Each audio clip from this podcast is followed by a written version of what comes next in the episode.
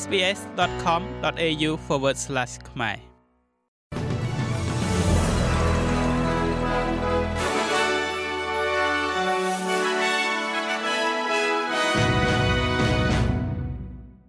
សូមស្វាគមន៍មកកាន់នេតិព័ត៌មានខ្លីៗរបស់ SPS ខ្មែរសម្រាប់ថ្ងៃអង្គារទី1ខែសីហាឆ្នាំ2023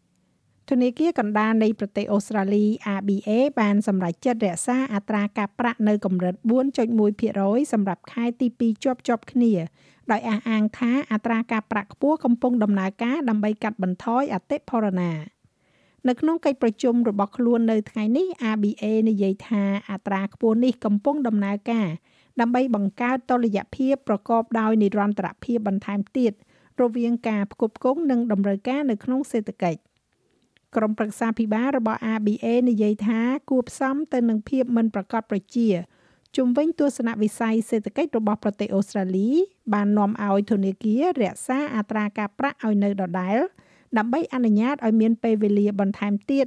វិយតម្លៃអត្ថប្រយោជន៍ជាសក្តានុពលនៃការកើនឡើងអត្រាការប្រាក់ផ្សេងទៀត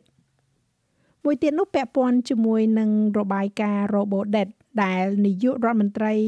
លោក Anthony Albanese បានវិបកទៅលើអតីតនាយករដ្ឋមន្ត្រីលោក Scott Morrison ដោយចោទប្រកាន់ថាលោកខ្វះការអាណិតអាសូរចំពោះជនរងគ្រោះនៃគម្រោង RoboDebt កាលពីម្សិលមិញសមាជិកសភាតំបន់ខុកលោក Scott Morrison បានការពារខ្លួនលោកប្រឆាំងទៅនឹងការរកឃើញដ៏សែនអាក្រក់ដែលធ្វើឡើងមកលើរូបលោកនៅក្នុងរបាយការណ៍របស់រាជគណៈកម្មការ RoboDebt ដោយហៅរបាយការណ៍នេះថាជាការសម្លាប់ផ្នែកនយោបាយដោយរដ្ឋាភិបាលលោក Albanese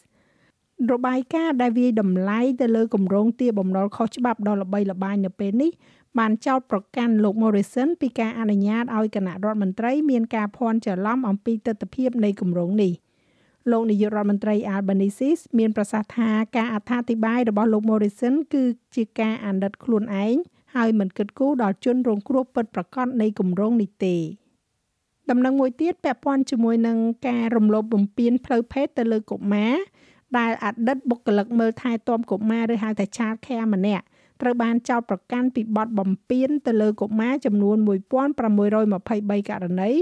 ចំពោះកុមារ91នាក់បន្ទាប់ពីការស៊ើបអង្កេតរបស់ប៉ូលីសសហព័ន្ធ AFP ប៉ូលីសបានចេញដីកាចាប់ខ្លួនបរិះអាយុ45ឆ្នាំម្នាក់ពាក់ព័ន្ធទៅនឹងការចោទប្រកាន់ទាំងនេះបទចោទប្រកាន់ទាំងនេះរួមមានការចាប់រំលោភចំនួន136ករណី និងការរួមភេទជាមួយកុមារអាយុក្រោម10ឆ្នាំចំនួន110ករណី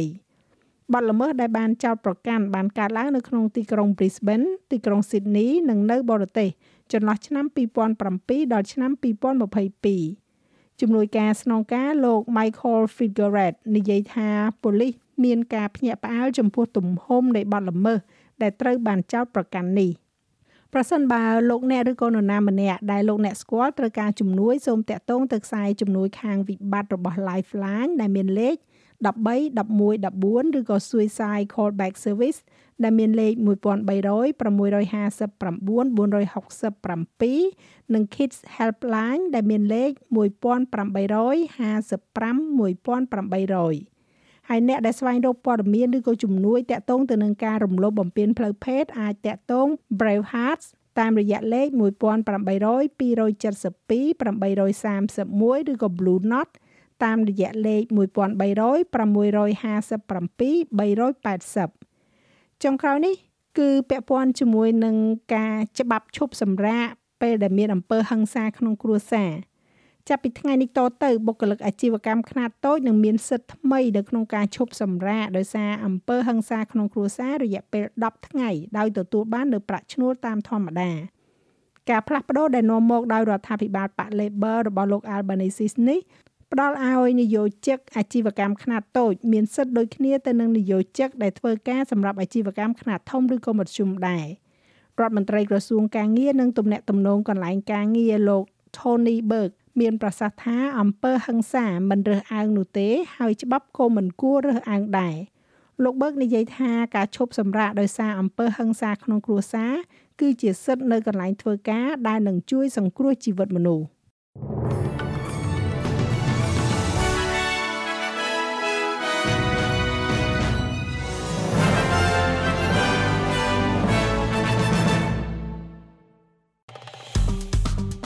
ចុច like share comment និង follow SPS ខ្មែរនៅលើ Facebook